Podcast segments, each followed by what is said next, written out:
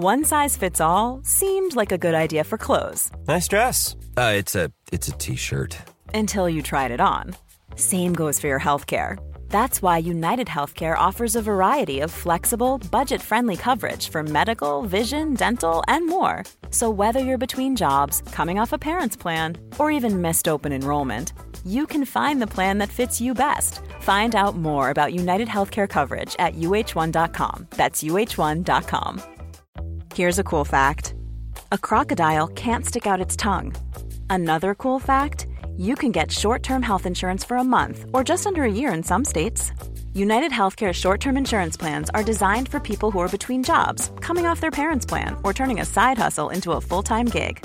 Underwritten by Golden Rule Insurance Company, they offer flexible, budget friendly coverage with access to a nationwide network of doctors and hospitals. Get more cool facts about United Healthcare short term plans at uh1.com. Quality sleep is essential. That's why the Sleep Number Smart Bed is designed for your ever evolving sleep needs. Need a bed that's firmer or softer on either side? Helps you sleep at a comfortable temperature? Sleep Number Smart Beds let you individualize your comfort so you sleep better together. JD Power ranks Sleep Number number 1 in customer satisfaction with mattresses purchased in-store. And now, save 50% on the Sleep Number limited edition Smart Bed for a limited time. For JD Power 2023 award information, visit jdpower.com/awards. Only at a Sleep Number store or sleepnumber.com.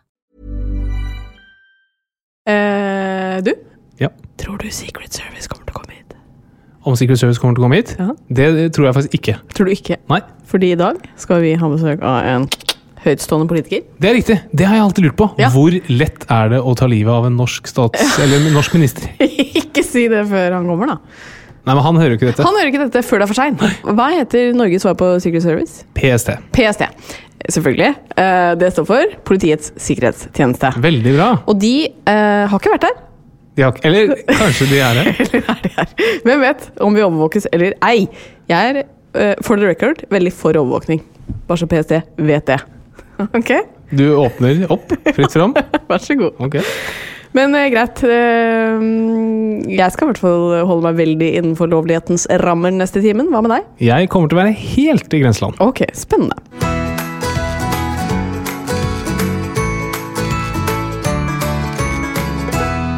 Hei og velkommen til en ny episode av Åpen journal. Tusen takk. Du vet at Det var en som skrev til meg at eh, hun har begynt å si det til alt i livet etter at du begynte med det der. Si tusen takk. Hun sier sånn 'tusen takk'. Ja, men tusen det er, takk. det er takknemlighet. Ja, det er veldig fint, det. Eh, men nå tenker jeg at eh, på mitt neste spørsmål Harald, så skal du svare raskt uten å regne for mye. Ja. Eh, vet du hvor mange timer det er i et år? 8765. Jeg har jo skrevet i manus, det ser jeg nå. Det er Noen fordi jeg klager ja, Det går litt fort oppi topplokket ditt. ja. Eh, Det er helt riktig. Eh, Takk. Men det jeg hadde tenkt å si, var 8765. Det høres lite ut. Ja, altså Det er altså 8765 timer i løpet av ett år. Ja. Men jeg har regna litt på dette, da. Eh, litt Da vi- kjapp, kjapp hoderegning. Da er vi Eh, spent. Og eh, av disse timene så jobber vi ca. 1700 timer per år. Det er riktig. Syns du det høres mye eller lite ut? Jeg syns 1700 timer ikke høres veldig mye ut. Enig? Du, Det er 8760 timer. Nei? Jo, hvor har du fått 65 timer fra? Ja, det, jeg husker faktisk ikke helt hvor jeg fant det tallet. Men vet du hva? Jeg er nybakt mor, har nok eh, å gjøre med Bernhard om dagen. Så okay. hvis det går litt fort i regnearket, Ja. så tenker jeg at det kjøper folk. I løpet av et år så jobber man ca. 20% av året bruker vi på jobb. da. ja. Og det eh, er jo en del. Eh, og så vet vi det at helsa påvirker jobben vår, og jobben påvirker helsa vår. Eh, og nå så opplever jo veldig mange en ny arbeidshverdag hvor man jobber hjemme. Og det er jo på godt og vondt. Um, så i dag så tenkte vi å snakke litt om nettopp det. Hvordan man kan optimalisere det i forhold til helsa si. Eh, og dagens tema det er da rett og slett syk av jobben. Eh, og det som er veldig fint, at vi skal i hvert fall få eh, en person som kan si en eller to vettuge, vettuge ting om nettopp dette. Fordi jeg kan jo tydeligvis ikke det. Eh, Jo, den kan det. Ok, Men jeg gleder meg i hvert fall til å få litt hjelp da, av eh, det som er arbeids- og sosialminister i Norge om dagen, Torbjørn Røe Isaksen. Jeg tenker at vi dropper mer sånn tall og snakker mer om alkohol. Det er mye gøyere. Det er definitivt mye gøyere. For vi har jo hvit måned, Det er helt riktig. og nå har vi vært 18 dager uten alkohol. Yes. Hvordan syns du det er? Det er Det føles veldig deilig. Det føles veldig riktig. Det Ja. føles veldig nødvendig. Ja. Men det gir et flatere liv. Det gir en jevnere eh, dag. eh, Så uke, uken blir liksom litt flatere. ja. Det er litt bedre å deler av det, ikke veldig mye, og litt kjedeligere andre deler av den. ja. Eh, Hva, hvorfor tror du det er sånn? Mindre amplityde. Nei, sånn som lørdag kveld, fredag kveld, det blir mindre gøy. Men så er det litt lettere å våkne opp eh, lørdag morgen, søndag morgen. Ja, ikke sant. Eh, Jeg er jo helt enig. Det som har vært fint med hvit måned, er jo å kjenne på at eh, man i veldig mange sammenhenger har lyst på et glass vin. Ja.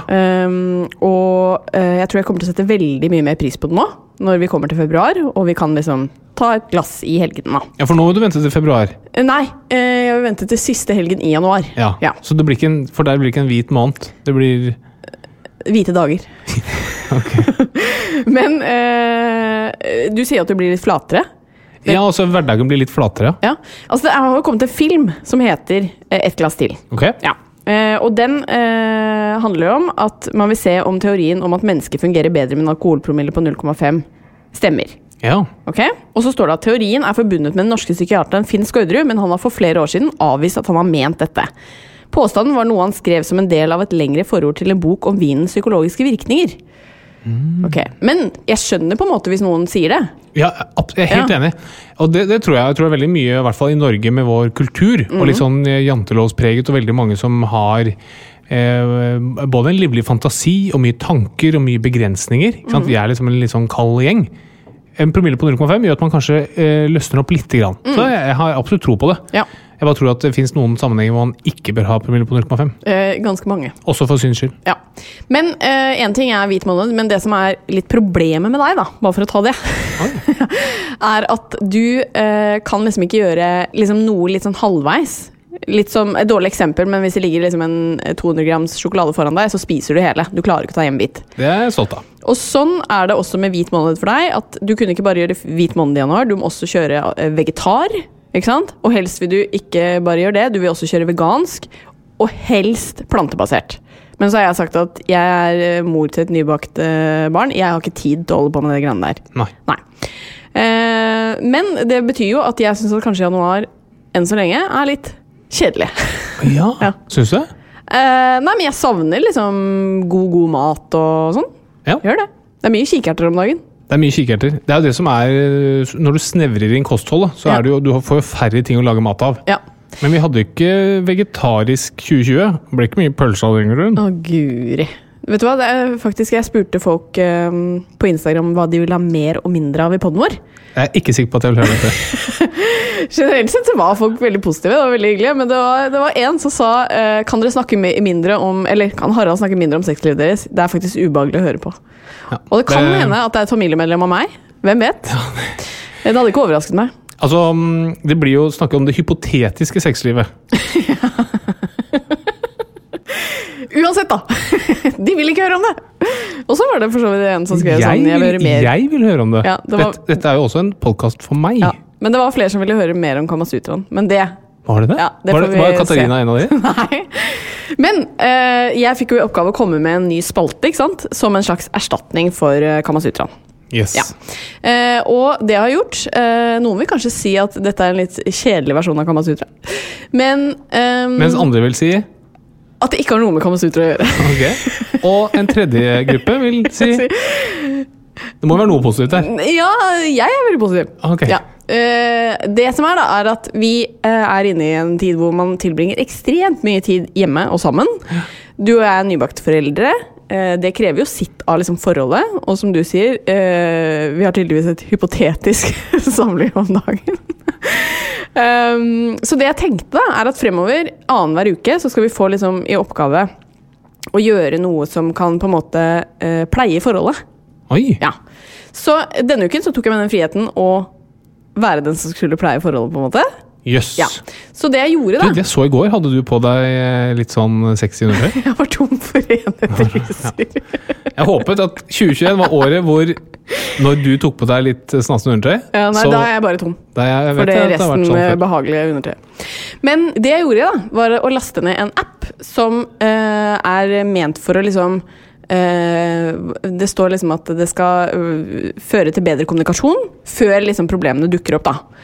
Eh, og så står det at gresset er grønnere der det vannes. Den syns jeg var fin. Mm. Ja, ja, det er ikke grønnere her på andre sida, og i hvert fall ikke grønnere på den Tredje sida? tredje sida. Ok. Så du har rett og slett fylt opp muggen og er klar til å vanne? Jeg skal vanne med spreder den våren her. Yes. Yes. Hvilket område skal vannes? Alle områder. Yes. Nei. Men så prøvde jeg litt rundt om i den appen, eh, og eh, vi må liksom svare på liksom spørsmål, og sånn, og så skal vi sette oss ned og gå gjennom de svarene. Det, ah, enn så lenge sitter litt langt inne, og jeg tror kanskje Det er at vi, vi trenger et glass vin for å holde på med de greiene der. Ja. Så det jeg gjorde, da, fordi jeg skjønte at eh, noe som er veldig viktig for et godt parforhold, det er ærlighet. Nei, det er jeg Da vil jeg gjerne trekke fram eh, han Bård Tufte Johansen. Ja. Eh, Bård Tufte Johansen og Atle Antonsen har jo veldig mye råd. Veldig Ja. mye gode råd. Et, jeg tror et poeng de har, er at du skal ikke være der selv for mye. Nei. Og så snakket Bård Tufte Johansen om at den beste helgen han hadde hatt med, med kona si, Mm. det var eh, grunnen til at det hadde gått så bra, var at han var bare ca. 30 seg selv.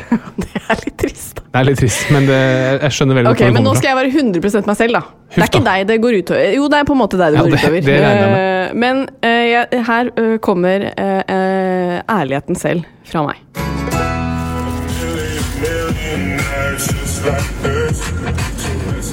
Altså, nå tror Harald at jeg er og handler på Spar på Skjømme. Men eh, det har jeg selvfølgelig vært. Men det gikk jo veldig fort. Det gikk litt for fort. Eh, og jeg tenker at nå skal han få lov til å få litt alenetid med Bernhard. Mens jeg sitter her og koser meg med litt Smash i bilen. Litt musikk. Scroller litt på mobiltelefonen og har det helt prima. Da var det fredag, folkens! Rotte? Som du skjønner, jeg brukte jo ikke en time Nei, det gikk lang tid. på handlingen på fredag. Eh, men her, dette er ærlig, ikke sant? Eh, Jeg Ok. forteller deg nå, deler noe som jeg egentlig ikke hadde tenkt å dele. Og dette er ikke første gang, kan jeg også si. Er, bruker du handletiden på egen tid? Jeg bruker i hvert fall litt lengre tid i bilen eh, når jeg først er alene. Men du må. Men vet du hva, jeg unner deg det. Gjør du det? Ja, det gjør jeg. Tusen takk! Du er veldig flink og snill til vanlig, Tusen så at du sniker deg ut eh, de øyeblikkene der, det er helt greit. Så hyggelig. Eh, og eh, bare så det er sagt, jeg, jeg scroller ikke på mobilen mens jeg kjører. Jeg parkerer og sitter helt stille. Politisk korrekt. Ja. Politisk korrekt. Men ikke sant, kan jeg bare si at syns du ikke dette var bra for forholdet? For nå kom du med en hyggelig tilbakemelding til meg. Ja, ok. Ja. Men du, da var du jo Du er avhengig av en veldig raus og snill partner, da. Ja, men det har jeg. Ok. Ikke sant? Enda bedre for forholdet. Ja. Går så det suser. Så forholdet nå er litt bedre enn det var? Er det tanken? Ja. Og da, neste gang så skal jeg gjøre noe som også løfter forholdet? Ja, i hvert fall kan bidra til å, å ta vare på deg og meg. Ja, jeg har jo ett forslag. Inneholder en bok som begynner på K og slutter på Ama. Det inneholder en, eh, en gave. Ja, Det blir spennende. Stay tuned for uh, forhold uh, Harald og Katarina 2021. Det, det er året. Det er vårt år. Det er vårt år.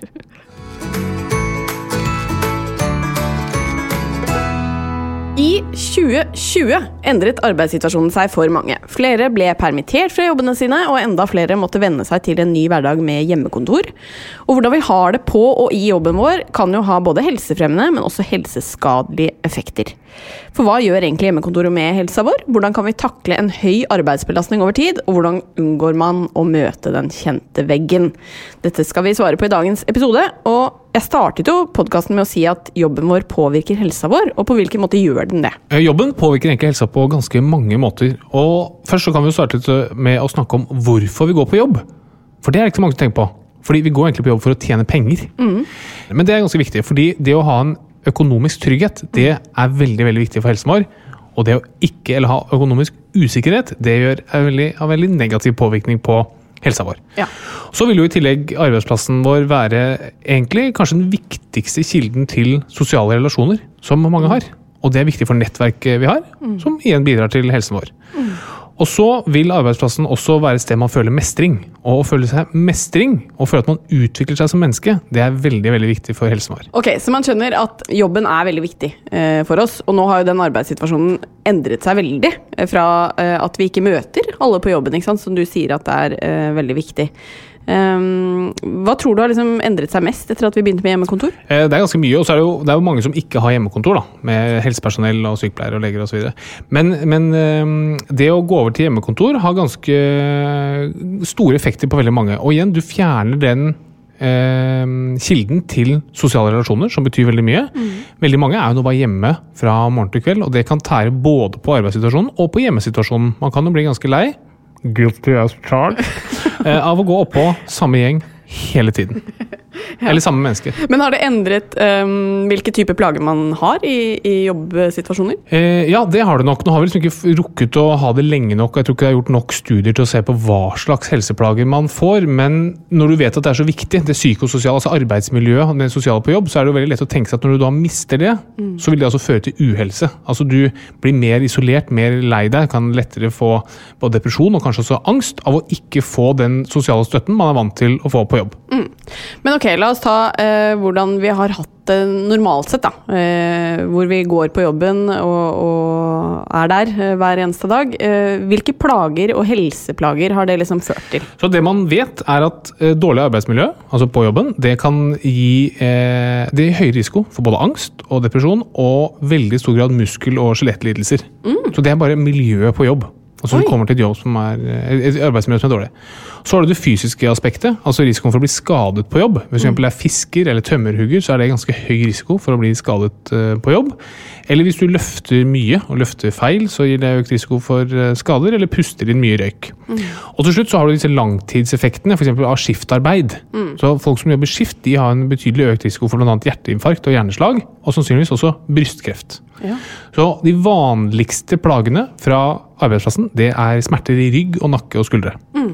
Men jeg har jo uh, en del venner nå som uh, har hjemmekontor. De har jo tatt med noen sånne stoler fra jobben hjem og det ene med det andre. Men de har ganske mye plager, faktisk. Um, Hun ene har veldig mye plager i rumpa om dagen. Jøss. Inni rumpa si? Hun har en eh, slags betennelse i halebenet fordi hun sitter feil. Eh, Fordi man ikke lenger har kanskje de der pultene som man kan heve og senke og sånne ting. Ja. Um, så man blir ikke kvitt de muskelplagene bare å, flytte hjem, altså. Nei, det er helt riktig, og jeg tror nok det vil oftere slå andre vei. fordi på ø, vanlig kontor så har du gjerne hev-senk-pulter, du har riktig arbeidsstol osv. Mens hjemme så sitter mange gjerne bare på en kjøkkenstol og har ikke de samme tilretteleggingsmulighetene. Så det vil vi nok se at forekomsten av den type som kalles slitasjeskader pga. dårlig ergonomi, det vil nok øke. Nå har jeg ikke noe tall på dette, men jeg mener og har hørt at eh, antall sykemeldinger har gått ned etter at eh, korona kom. da. Eh, fordi det, kan jo virke som at folk setter veldig pris på å ha en jobb å gå på nå. Ja. Eh, og hva er de vanligste grunnene til at folk blir sykemeldte? Der er det liksom to kategorier som skiller seg veldig ut, og det er psykiske plager, som angst og depresjon, og muskel- og skjelettplager. Vondter i nakke og skuldre og rygg osv. Mm. Hva kommer de plagene av, da? Nei, det er nok ganske komplisert. Det som er interessant, er at arbeidsmiljøet påvirker det. Så et, et dårlig arbeidsmiljø gjør at du får mer vondt i kroppen, f.eks. Det er også sånn ikke helt, sånn, helt umiddelbart enkelt å forklare. Men det er veldig mye vi ikke skjønner. Ja, Dette er komplisert og vanskelig å gå inn i. Veldig. Men korona har jo gjort at vi også uh, er borte fra jobb uh, når vi er, har det minste av forkjølelsessymptomer. Sånn var det jo ikke før. Da var det jo nesten gikk det sport i å, å gå på jobb uansett hvor sjuk du var. Hvordan Ja. tror du det blir liksom etter korona? Nei, men altså det er som du sier at Jo tøffere arbeidsmarkedet er, jo lavere er sykefraværet. Så jo viktigere det er at du kommer på jobb, jo, jo, mer det folk, eh, altså jo flinkere er folk til å bare gå på jobb. Da. Og så er det som du sier at eh, nå så skal du være borte fra jobb selv ved det minste symptom. Samtidig så har man mye hjemmekontor, da, sånn at fleksibiliteten er ganske mye større. Du kan jo få jobbet en del hjemmefra. I Norge så har vi et sykefravær på 6% og det er veldig høyt. Det er liksom høyest i verden. Er det det? Ja. Og du taper ikke penger på å være borte fra jobb. Og det er, det er et fantastisk gode. Det er jo helt utrolig. Det er veldig flott at du har klart å bygge opp en sånn velferdsstat, men ulempen er selvfølgelig da at terskelen for å ta en sykemelding er kanskje litt lavere enn i andre land.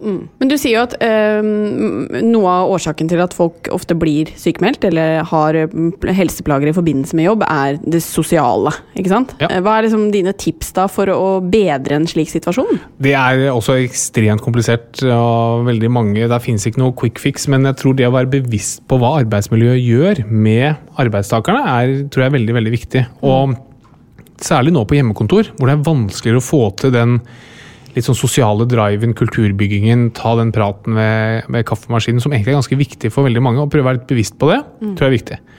Og da at man er litt flinkere til å ta opp telefonen og ringe kollegaer, eller ta videosamtaler med kollegaer, spørre hvordan folk har det. Er det noe de savner? Er det noe de føler at de ikke får nok av? Fordi eh, det har nok vært en trøst at vi ikke har visst hvor lenge situasjonen skulle være. Hadde du visst at det var hjemmekontor et år, så tror jeg det hadde vært mye tøffere for folk enn å tenke at ok, nå er det bare litt til, litt til, litt til. Men jeg, jeg tror man skal være veldig, veldig bevisst på det. Fordi det vi har sett med hjemmekontor, er at man blir ikke noe mindre effektive.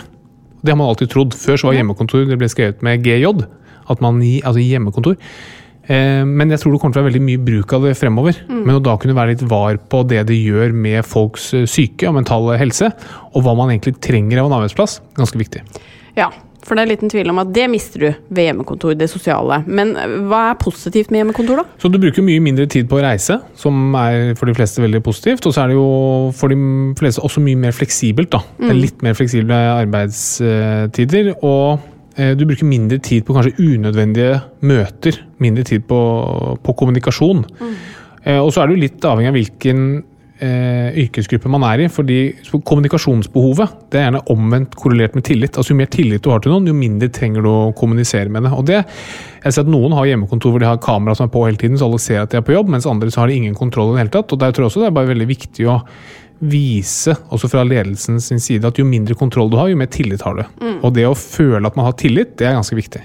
Og så er det jo sånn at hvis man øh, jobber for mye, og det blir for mye på jobben, enten det er det sosiale som virker inn, eller at du bare ikke takler mm, arbeidspresset, så kan man jo møte det som på folkemunne kalles veggen. Eh, hva er liksom symptomer på at man rett og slett har fått nok?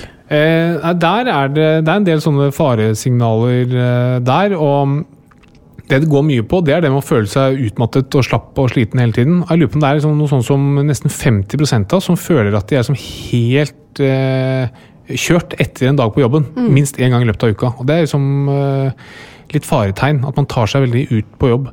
Så det å kjenne at du liksom mangler energi, eller at du ikke finner glede i ting som du vanligvis finner glede av, eller at du syns det er et ork å stå opp, at du ikke gleder deg til å gå på jobb, det er alle signaler som man burde ta på alvor.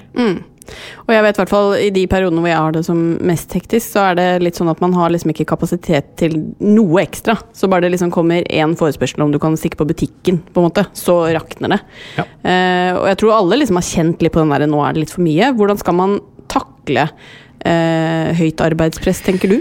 Eh, der tror jeg, altså Det man kan, jeg kan starte med å si, da, som er sånn, sånn litt irriterende å si, men som noen kan synes det er fint å bli minnet på, det er det at sånn som stress og arbeidsstress det, det er ikke noe utenfra som kan gjøre deg stresset. Stress er liksom noe du selv lager inni hodet ditt. da.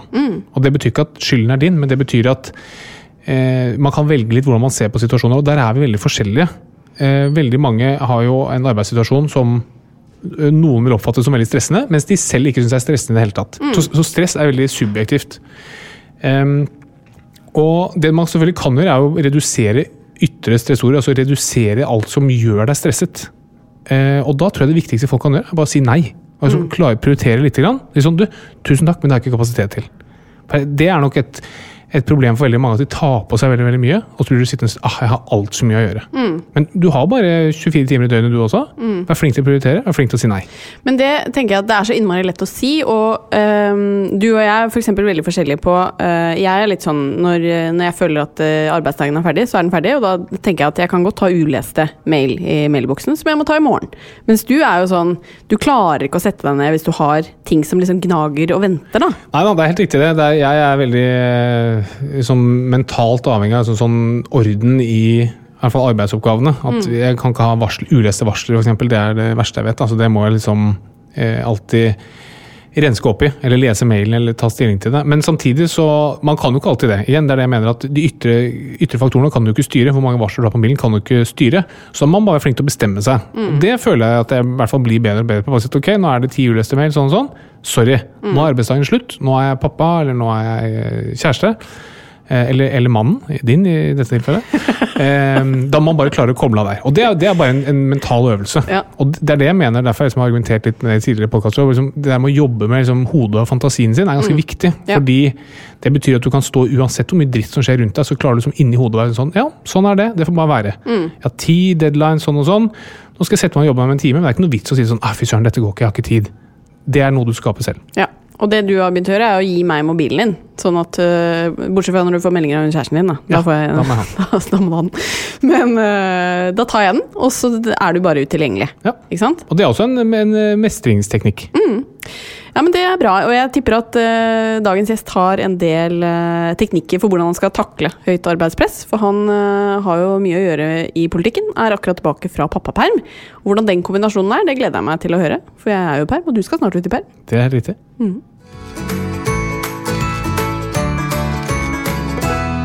Da har vi kommet til dagens lytterspørsmål. Fortsett å sende inn på Åpen journal sin Instagram-profil, så skal vi prøve å svare på så mange vi kan. I dag så har jeg tatt med et som jeg lurer på selv. Rett og slett. Ja, Kult. Jeg drar litt nytte av å ha denne podkasten, tenkte jeg. Um, for jeg kan jo ikke spørre deg om ting på privaten. Det kan du Jeg må jo bare bruke podkasten. Ja. Uh, hei. Vet man om det er helsefarlig å bruke deodoranter med aluminium? Aluminium? Uh, jeg det? Det var plutselig vanskelig å si. ja, det var det. Men du sa det riktig. Men si det igjen. Aluminium. Aluminium. Hun som skal stille dette spørsmålet, mener at uten dette stoffet så funker ikke deodorantene like bra, men hun har hørt snakk om at hvis det inneholder dette stoffet, som dere nå vet hvilket jeg mener er, eh, så kan det skade lymfekjertlene under armen, og det kan øke risikoen for kreft. Stemmer det? Nei. Gjør det ikke? Nei. Det som er en del deodoranter, er tilsatt aluminium for å redusere svetteproduksjonen. Og så har det vært liksom, sånn prat om hva særlig for fem, seks, syv, åtte år siden, eh, mye at, at aluminium kunne være skadelig. Og det er det ikke. Altså Man har satt på en måte en grense for hva man anser som akseptabel verdi i blodet. Og vi utsettes jo for litt aluminium hele tiden, gjennom eh, maten vi spiser særlig, og også kosmetikk, f.eks. deodoranter. Og det man så var at noen av de som brukte mye deodoranter med aluminium, de fikk et høyere nivå enn det som var anbefalt. Men man har ikke sett noen konsekvens av det. Okay. Så svaret er foreløpig nei. Det ser ikke ut til å gi noe økt risiko for kreft. Men det var en periode hvor du drev og kjøpte deodorant uten det? Ja, det var, jeg tror det var rundt da. Ja. Eh, Men det var før jeg var utdannet og en eh, så vis mann som jeg nå har blitt. Ikke sant? Som lærer at det, det nytter ikke å bare lese én artikkel om noe. Yes. Planning for your next trip? Elevate your travel style with Quince. Quince has all the jet setting essentials you'll want for your next getaway, like European linen, premium luggage options, buttery soft Italian leather bags, and so much more. And it's all priced at 50 to 80% less than similar brands. Plus, Quince only works with factories that use safe and ethical manufacturing practices. Pack your bags with high-quality essentials you'll be wearing for vacations to come with Quince. Go to quince.com slash trip for free shipping and 365-day returns. Hey, it's Ryan Reynolds, and I'm here with Keith, co star of my upcoming film, If, only in theaters, May 17th. Do you want to tell people the big news? All right, I'll do it. Sign up now and you'll get unlimited for $15 a month in six months of Paramount Plus Essential Plan on us. Mintmobile.com slash switch. Upfront payment of $45 equivalent to $15 per month. Unlimited over 40 gigabytes per month. Face lower speeds. Videos at 480p. Active Mint customers by 531.24 get six months of Paramount Plus Essential Plan. Auto renews after six months. Offer ends May 31st, 2024. Separate Paramount Plus registration required. Terms and conditions apply if rated PG. A lot can happen in three years, like a chatbot may be your new best friend. But what won't change? Needing health insurance. United Healthcare Tri Term Medical Plans, underwritten by Golden Rule Insurance Company, offer flexible, budget friendly coverage that lasts nearly three years in some states. Learn more at uh1.com.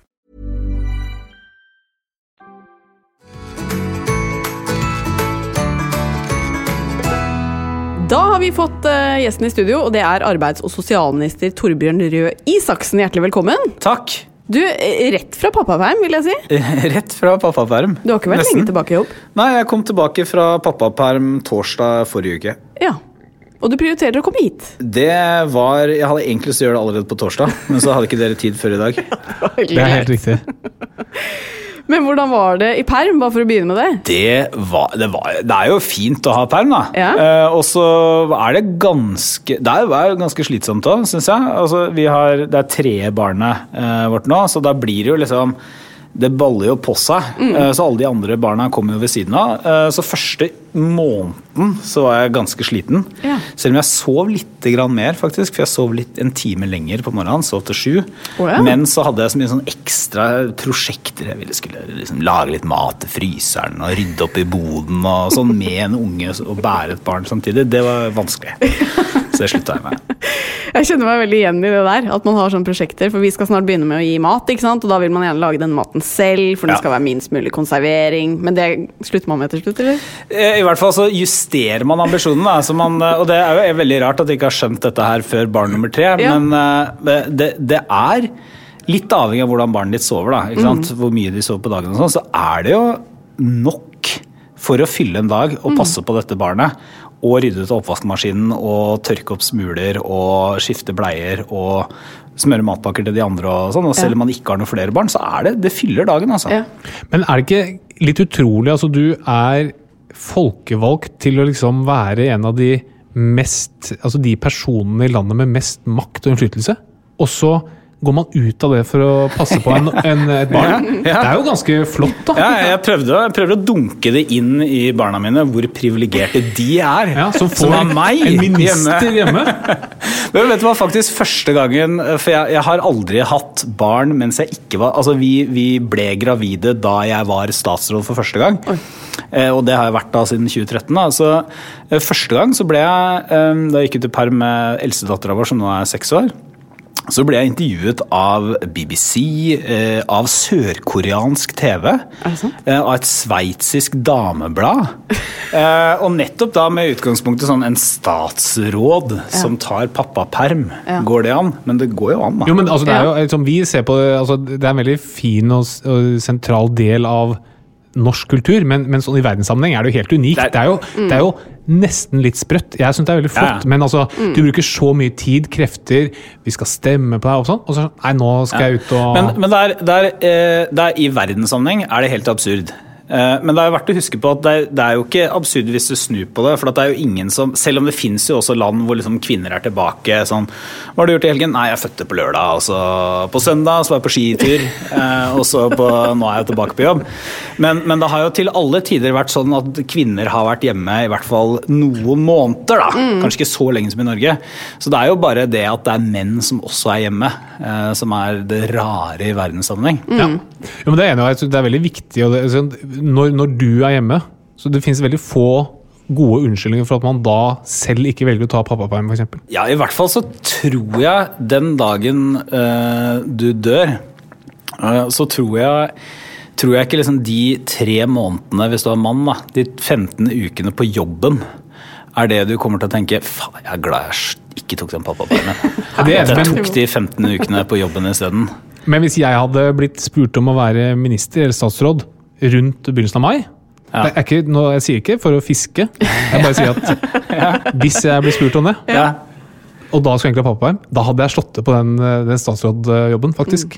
Ja, men, men det er jo lov å være litt sånn fleksibel, men eh, Altså hvis du, jeg tror, Det er jo rart, men det, det lar seg løse. da? Selv en statsråd som har en veldig sånn spesiell posisjon, litt annerledes enn en leder i privat næringsliv eller andre deler av offentlig sektor. for at det er, Du kan ikke være litt statsråd, du må være enten så er du statsråd, eller så er du det ikke.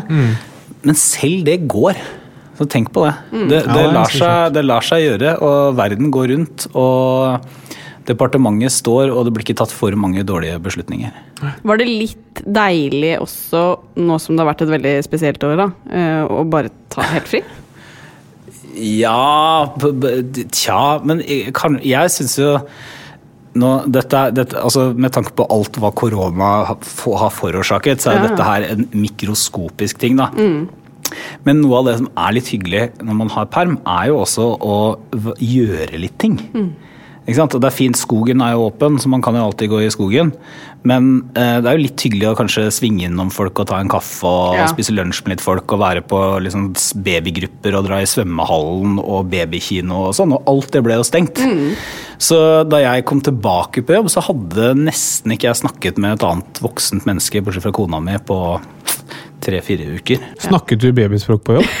Jeg gjorde det første hele forrige uke, brukte jeg da på å venne meg av med å si sånn «Kuku».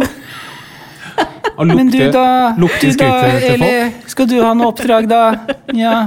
Men du hadde jo en vikar da du var borte i permisjon. Ja. Og det er jo ofte sånn, jeg husker det da jeg gikk på skolen for eksempel, de, Når du hadde vikar, det var liksom, da sklei alt helt ut. da.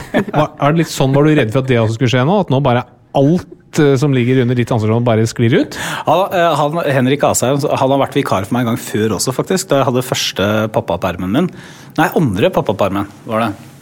Så eh, Nei, det gikk bra, men han har jo hatt to departementer å styre. da. Samtidig, så han har på en måte hatt dobbel jobb. Ja. Og som sagt, så er jo det som er spesielt, er jo at du, du kan ikke være litt statsråd. Altså du, du, du skrur av alt. Altså det er ingen fra departementet som ringer. E-posten stenges. Eh, alt. Oh, ja. Du er liksom frikobla alt. Du kan selvfølgelig rante på Facebook eller et eller annet sånt, men det, det er en fattig substitutt når man har Ja, det. vant til makt og innflytelse. Men er det ikke egentlig litt kjipt å komme tilbake, og så er det en som har vist at han kunne ha dobbelt så mye jobb jo, er- som deg, på en måte? Jo, og det er jo egentlig, for det Snarere enn å frykte kaos, er jo egentlig det som blir vanskelig for folk som har vært i politikken, kanskje alle som har hatt sentrale lederposisjoner over Ja. lengre tid, det er jo at man begynner å føle seg uerstattelig. Ja. Eh, Og Kristin Clemet hun husker jeg beskrev dette da jeg var, ble statsråd, så beskrev hun de tre fasene som statsråd. Den første fasen det er 'dette klarer jeg ikke'. Dette fikser jeg bare ikke. Den andre fasen det er 'dette går egentlig ganske greit'. Dette håndterer jeg. Tredje fasen er 'dette kan ingen andre klare unntatt meg'. uh, og nå har jeg vært statsråd i syv og et halvt år, og det er klart man har, det er et snev av det. Ja. Så det, det, det mest skuffende er jo at det har gått bra. Ja, det ikke sant? skjønner Det skjønte jeg veldig godt. Men er det sånn at du liksom går bort og sparker litt i dekka etterpå og sier sånn Ja, du han Henrik, det, dette hadde han ikke fiksa. Som høyt foran alle, altså ikke de skal tenke at liksom, han har gjort en god nok jobb. Men jeg titta litt i, i notatene til Henrik, og det var ikke bra. Så jeg vil bare si det til alle sammen. Ja. Man kan si mye om korona, men ledigheten har jo gått uh, ganske mye opp, har den ikke det? Mm. Når du, når du skriver CV-en din etter dette her, kommer du til å legge sant, Ledigheten gikk veldig opp da du var i pappaperm. Kommer du til å legge til at korona var der, eller kommer du til å ta det ut? Bare som å vise viktigheten av at du faktisk sitter med den, i den posisjonen. Jeg kommer til å, uh, Man skal jo ha en ærlig CV. Så, men jeg kommer til å legge øverst kommer jeg til å legge at børsene lå veldig høyt da jeg var næringsminister. Ja. Og så veldig sånn langt ned så kommer jeg til å legge dette med at det er en rekordhøy ledighet mens jeg er arbeids- og sosialminister. Faktisk var den jo i mars-april. Den var jo altså, det, det, det har nesten ikke noen historiske paralleller i fredstid. Nei. Ja. Det er bedre nå, da. Ja, Men fortsatt er det jo veldig mange, nesten 200 000 mennesker som er helt eller delvis ledige. Det må vi få gjort noe med. Det få noe med. Ja, for Vi har snakket en del i dag om hvor viktig jobben er eh, for hvordan vi har det. Både sånn psykisk, men også fysisk. Um, hva tror du det å være arbeidsledig gjør med deg, sånn helsemessig? Det, det behøver vi egentlig ikke å tro så mye om, for dette vet vi jo ganske mye om. da. Og For det første så vet vi at uh, jo lenger du er ledig, jo mindre er sjansen for at du kommer tilbake i jobb. Uh, og en av forklaringene som forskerne har på det, det er at det skjer Altså, du blir på en måte litt, litt skad, skadelidende da, ikke sant? av å være arbeidsledig, hvor du etter hvert så går du på motivasjon løs, mange begynner å føle seg unyttige, de har kanskje søkt på mange jobber og får avslag, så tenker de at ja, men kanskje ikke jeg har noe som verden trenger. Eh, og, og for mange også så går du litt på selvbildeløs. løs. Man er vant til å være en av to i en husholdning som bidrar til lønn, og så plutselig må du leve på partneren eller eh, kona eller ektemannen din. Det kan være tøft for mange. Så, så, det er ikke noe, så, så det å være arbeidsledig er, skaper sykdom. Det er det ikke noe tvil om. Men én ting er jo øh, å ikke ha jobb, øh, en annen ting er jo å ha for mye jobb. Uh, det gjør jo også veldig mye med helsa vår. Uh, har du noen gang kjent på at nå, nå er det like før øh, jeg møtte veggen? Jeg tror aldri jeg har kjent på at jeg holder på å møte veggen sånn direkte. For at de som beskriver det, de sier at det er som du går på reservebatteriet, ikke bare i en uke eller to, men over flere måneder, kanskje flere år. Og det er jo kanskje den beste sånn lekmannsforståelsen for meg som ikke er lege, da, det er at til slutt så har du ikke noe, du har ikke noe å, å ta av. Du har ikke noe ekstra overskudd eller energi. Men jeg har jo hatt uker hvor jeg tenker hvor jeg er stressa, hvor jeg føler at jeg har altfor mye å gjøre, hvor motivasjonen svinner, hvor jeg ikke våkner opp og tenker sånn åh, det skal bli jeg det, er ikke sånn det er ikke sånn småfuglene synger og Disney-film og Det er ikke Petter alt Stordalen? Nei, ikke sant. Det er sånn, I hvert fall ikke på mandager. Men stort sett så ser jeg jo frem til en ny dag, da. Ja. Uh, men jeg har aldri vært så nær å møte veggen sånn. Det, det tror jeg ikke. De som har sett på mm, TV-serien House of Cards, f.eks., der møter, møter vi det som da i Det var, serien det, var, eh, det var ikke jeg som gjorde det med hun journalisten. Var det ikke det? Det ryktet har jeg hørt, men det er ikke Men der sitter altså presidenten i USA og spiller PlayStation som liksom avkobling. da. Som jeg tenker Det er jo et ekstremt positivt karaktertrekk. Har du en eller annen sånn Candy Crush spiller jo statsministeren. ja, ikke sant? Har du en sånn guilty pleasure, noe for å koble helt av mentalt? Men vet du hva, min guilty pleasure er så kjedelig, for jeg leser som nå leser jeg sagaene. Altså, du- Eh, gamle islendingssagaer. Du er følger et manus du, som du har fått fra, fra partiet ditt. Altså Når jeg skal koble av, da går jeg til barnehjem, og så mater jeg barna Ja, med matpakker som jeg selv har smurt på vegansk brød. Men du har jo faktisk tenkt å trappe ned politisk, selv om du nå er liksom på høyden. Hvorfor vil du det? Uh, nei, altså det, det, det er fordi at uh, Fordi at jeg, jeg har holdt på med politikk veldig lenge. Men nå blir det jo ikke noen nedtrapping før det blir jo ikke, det går ikke, Jeg skal, kan ikke gå inn i en sånn 50 statsrådsstilling. Det går sånn. ikke. Det jeg tar det fra mandag til onsdag, uh, og så er det fjellet eller noe sånt fra torsdag til mandag. Det går ikke. Eh, Så det er mer at eh, etter hvert så tenkte jeg jeg skulle gjøre noe annet. Mm. Så det, det er vel mer en sånn personlig Det er kanskje en slags 40-årskrise, ikke vet jeg. Ja, hva vil du gjøre da? Aner ikke. Aner ikke. Så deilig, egentlig. Ja, ja, og litt skummelt Ja. eh, også. Jeg vet ikke. Um, før vi fikk så mange barn, og før 2017, så Ja. hadde jeg også tenkt å trappe ned. Og da hadde jeg tenkt å kanskje ta litt ekstra utdanning og sånn. Se om det var noen som søkte etter sagalesere på heltid. Eh, men det er Har du lyst til å bli viking? Altså Får du lyst til å gå inn Nei, jeg har ikke lyst til det. skald eventuelt, da. Som, som k lager kvad. Ja. Det hadde vært noe. Men eh, nei, jeg vet, jeg vet ikke, rett og slett. Nei. Jeg vet ikke, men det er uansett eh, et stykke fram i tid. Og så er det jo sånn at det, det er ikke så mye tid til å tenke på det mm. oppi historisk eh, ledighetskrise og en, kanskje mest det, føles jo ikke sånn akkurat nå, ikke sant, til hvert øyeblikk på dagen, men det er jo en av de mest alvorlige situasjonene vi har vært i som land mm. noen gang i fredstid. I hvert fall i etterkrigstiden. da. Men vi har snakket litt om uh, hva arbeid gjør med helsa og sånn. Eh, Hvor flink er du til å ta vare på din egen helse, tror du? Nei, det må vel kunne være en, en, kanskje en sterk midt på treet. Eh, sånn, um, ja. Jeg er, er jo er blant de som er Jeg er, eh, et, et, har perioder hvor jeg er veldig opptatt av min egen helse på liksom feil måte. Oh. For jeg er en sånn Google-symptom-type. Som hvis jeg kjenner at jeg har litt vondt i halsen, og alle som alle som driver med dette, vet jo at det er, det er alltid kreft. Altså, La oss bare være så ærlige. Ah, Hvis du er sånn som jeg er i perioder, Ja. så er det uansett hva det er, eh, klør i øret, det, er, det ender alltid opp med at det kan være det. Ja, ja. Eh, og, så, er jeg en sånn prøver, jeg er litt sånn hverdags Jeg har litt sånn tro på hverdagsting. da. Mm. Så, jeg har, eh, så jeg prøver å, prøver å gå og prøver å spise sunt og sånt. For fem år siden så falt jeg av et eller annet form for treningsopplegg som jeg hadde. Ja. Og nå har jeg egentlig gitt opp å komme tilbake til det. Det går ikke. Ja, du har gitt opp helt, Ja, ja, det er ikke noe Jeg har, jeg har noe sånn morgentrim som jeg holder på med. Jeg er blitt 73 år på veldig kort tid. Eh, jeg tenker at vi kunne sitte der kjempelenge, men vi må kanskje videre til quiz, må vi ikke det, Haraldsen? Vi må nok videre til quiz. Hold deg fast, nå er det quiz. Med oss i dag så har vi de som for så vidt også har vært med ellers i podkasten, nemlig StudMed Katarina Flatland Doble. Og ingen ringere enn vår favorittminister Torbjørn Røe Isaksen. Nå viser jeg to tomler opp for Ja. å signalisere at jeg satte pris på introduksjonen. Er det noen som har sagt at du burde hett Torbjørn Blå Isaksen?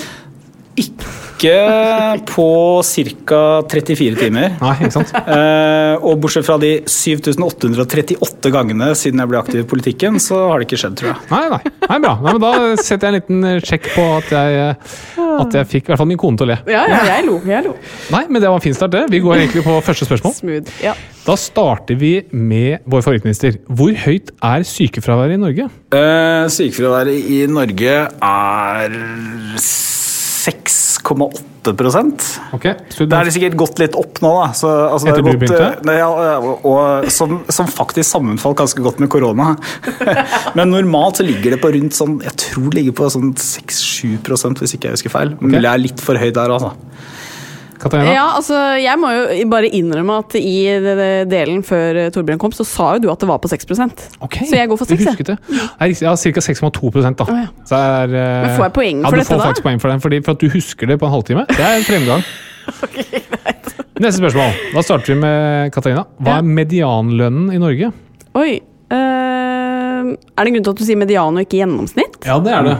Medianen, er ikke det bare det midterste tallet, på en måte? Jo, det er helt ja, riktig. Eh, da sier jeg 380 000.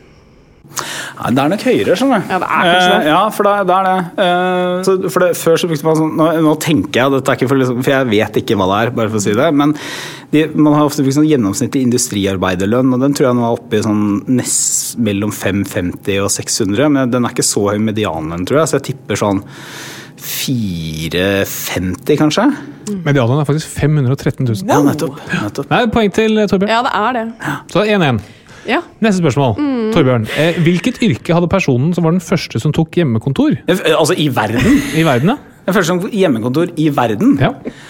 Uh, nei, altså jeg uh, uh, er filosof. Ok, Katarina. Uh, uff, vel, ja, hva skal man si der, da? Eh, nei, jeg vet ikke. Kokk. En kokk. Hjemmekontoret. Å ja, nei. det var en vits. Ja, det var vits. Ja, Ja, det- det var egentlig en vits, ja. Egentlig. En hjemmekontoret. En prostituert som har hjemme... ok. Verdens selvstyrke. Ja. Hadde forventet. Den var god. Den skal, jeg, den skal jeg notere ned i notisboka mi. Samme med den Torbjørn Blå innsatsen. Ja, ja. Det er spørsmål. Hvor mange sier de er tilfreds med jobben? Antall i prosent, Torbjørn? Oi, skal vi se. Det er, øh, det er faktisk ganske mye, altså. Men trives på jobben eller tilfreds med jobben? Det er litt forskjellige spørsmål her. Ja, altså De er tilfreds med jobben. Ja, så... for at De som trives på jobben, er sånn oppunder 90% Men tilfreds med jobben ah, 82? Katarina. Jeg tror høyere, jeg. 94. Eh, da ble det faktisk helt likt, for riktig svar er 88% Oi! Men ganske høyt. Ja. Ja. Men det var jo også fortsatt 1-1, da. ja. Jeg har glemt å si hva vinneren og taperen får her. Får de noe? Ja, absolutt. Taperen må lage en morsom dyrelyd. Ja. Vinneren får to ukers sykemelding. ja. Det er deilig. Um, neste spørsmål. Hvor lang er mammapermen, eller det som riktig heter foreldrepermisjonen, i USA? Torbjørn. Eh, det er jo akkurat nå blitt innført av Donald Trump. Oh. Ja, eh, og den er eh, på føderalt nivå, da. Er det seks uker eller noe sånt, tror jeg. På Tre uker, eller? Så svaret er egentlig null uker. Det er ikke noe sånn permisjonsordning, men det er helt riktig som du sier. Altså, Han har innført det for føderalt ja, han har innført det for, Ja. for en del offentlig ansatte. Og det, må, det er en del krav som må møtes. da. Men tenk det, i USA, null uker! Du får, du får ingenting. Det det har vært for en del eh, hvis du jobber i, et, i en eh, eligible eh, bedrift, f.eks. at det er mer enn 50 ansatte, det er en del sånne krav, da har du rett på tolv uker ulønnet permisjon. Ja. Men da må også barnet ditt jobbe i bedriften samtidig. det nyfødte barnet ditt. ja, men det er greit. Du må levere inntil Ja, ja, et visst produktivitetskrav. Neste spørsmål. Her forventer vi et, eh, et korrekt svar fra begge to. Starter med Torbjørn. Hva betyr ordet politikk? Eh, Det betyr det som dreier seg om polis, altså bystaten. Det som vi har felles. Sier det han sier, jeg. Eh, ja, det skal få frem statskunst. Men det er helt riktig. Ja. Om polis. Ja, polis ja, by eller noe sånt. Gresk. Er det likt fortsatt? Eh, nei, for du får ikke poeng bare for å slenge deg. Du hadde jo aldri klart å henge til deg. Så nå er det 2-1 til Torbjørn. Nå, nå er det han som ligger an til å få sykemeldingen. Ja. Eh, siste spørsmål. Mm. Hvorfor er vikarbehovet så stort i India? Dette er et tullespørsmål. Det bare sier jeg Det er ikke nå. sikkert. Jo. Nei. Katarina, hvorfor er vikarbehovet så stort i India? Jeg vet, jeg vet ikke. Torbjørn Røe Isaksen, ordet er ditt. Fordi det er mye syke, da. Er det noe med curry? de har så høyt sikefravær. Ja, nettopp. Ja. Mm. Jeg var inne på det på en måte. Du, du, du ante at det var noe uro her. Men da var det faktisk uh, Torbjørn Isaksen som vant. Gratulerer. Tusen takk. Sykemelding takk. i boks. Ja, sykemelding det boks. Ja. Du eh, tapte. Ja. Du skal nå lage en morsom dyrelyd. ja. Da går jeg for uh, Esel. Esel, ja. Sånn sier eselet. Gjør det ikke det? Eh, vi må jo bare si tusen hjertelig takk for at du tok deg tid. Uh, dette har vært en glede, Torbjørn. Uh, tusen takk for at du kom og delte dine råd om både det ene og det andre, må vi kunne si. Jøss, er ikke dette veldig sånn gammeldags at det begynner å Jo, men jeg sprakk jeg. Jeg har ikke skrudd av telefonen. Nei, men det er helt greit. Nå skal vi la deg slippe til viktigere ting. Eh, gå og vær statsråd. Tusen takk for at du kom. Vi er tilbake neste uke. Hei da! Ha det! Ha det. Plan B. Hey, it's Paige DeSorbo from Giggly Squad. High quality fashion without the price tag. Say hello to Quince. I'm snagging high-end essentials like cozy cashmere sweaters, sleek leather jackets, fine jewelry, and so much more. With Quince being 50 to 80% less than similar brands. And they partner with factories that prioritize safe, ethical, and responsible manufacturing. I love that. Luxury quality within reach. Go to quince.com slash style to get free shipping and 365 day returns on your next order. Quince.com slash style. Imagine the softest sheets you've ever felt. Now imagine them getting even softer over time. That's what you'll feel with Bowl and Branch's organic cotton sheets. In a recent customer survey, 96% replied that Bowl and Branch sheets get softer with every wash. Start getting your best night's sleep in these sheets that get softer and softer for years to come. Try their sheets with a 30-night guarantee. Plus, get 15% off your first order at bowlandbranch.com. Code BUTTERY. Exclusions apply. See site for details. When you make decisions for your company, you look for the no-brainers. If you have a lot of mailing to do, stamps.com is the ultimate no-brainer. Use the stamps.com mobile app to mail everything you need to keep your business running with up to 89% off USPS and UPS. Make the same no-brainer decision as over 1 million other businesses with stamps.com. Use code PROGRAM for a special offer. That's stamps.com, code PROGRAM.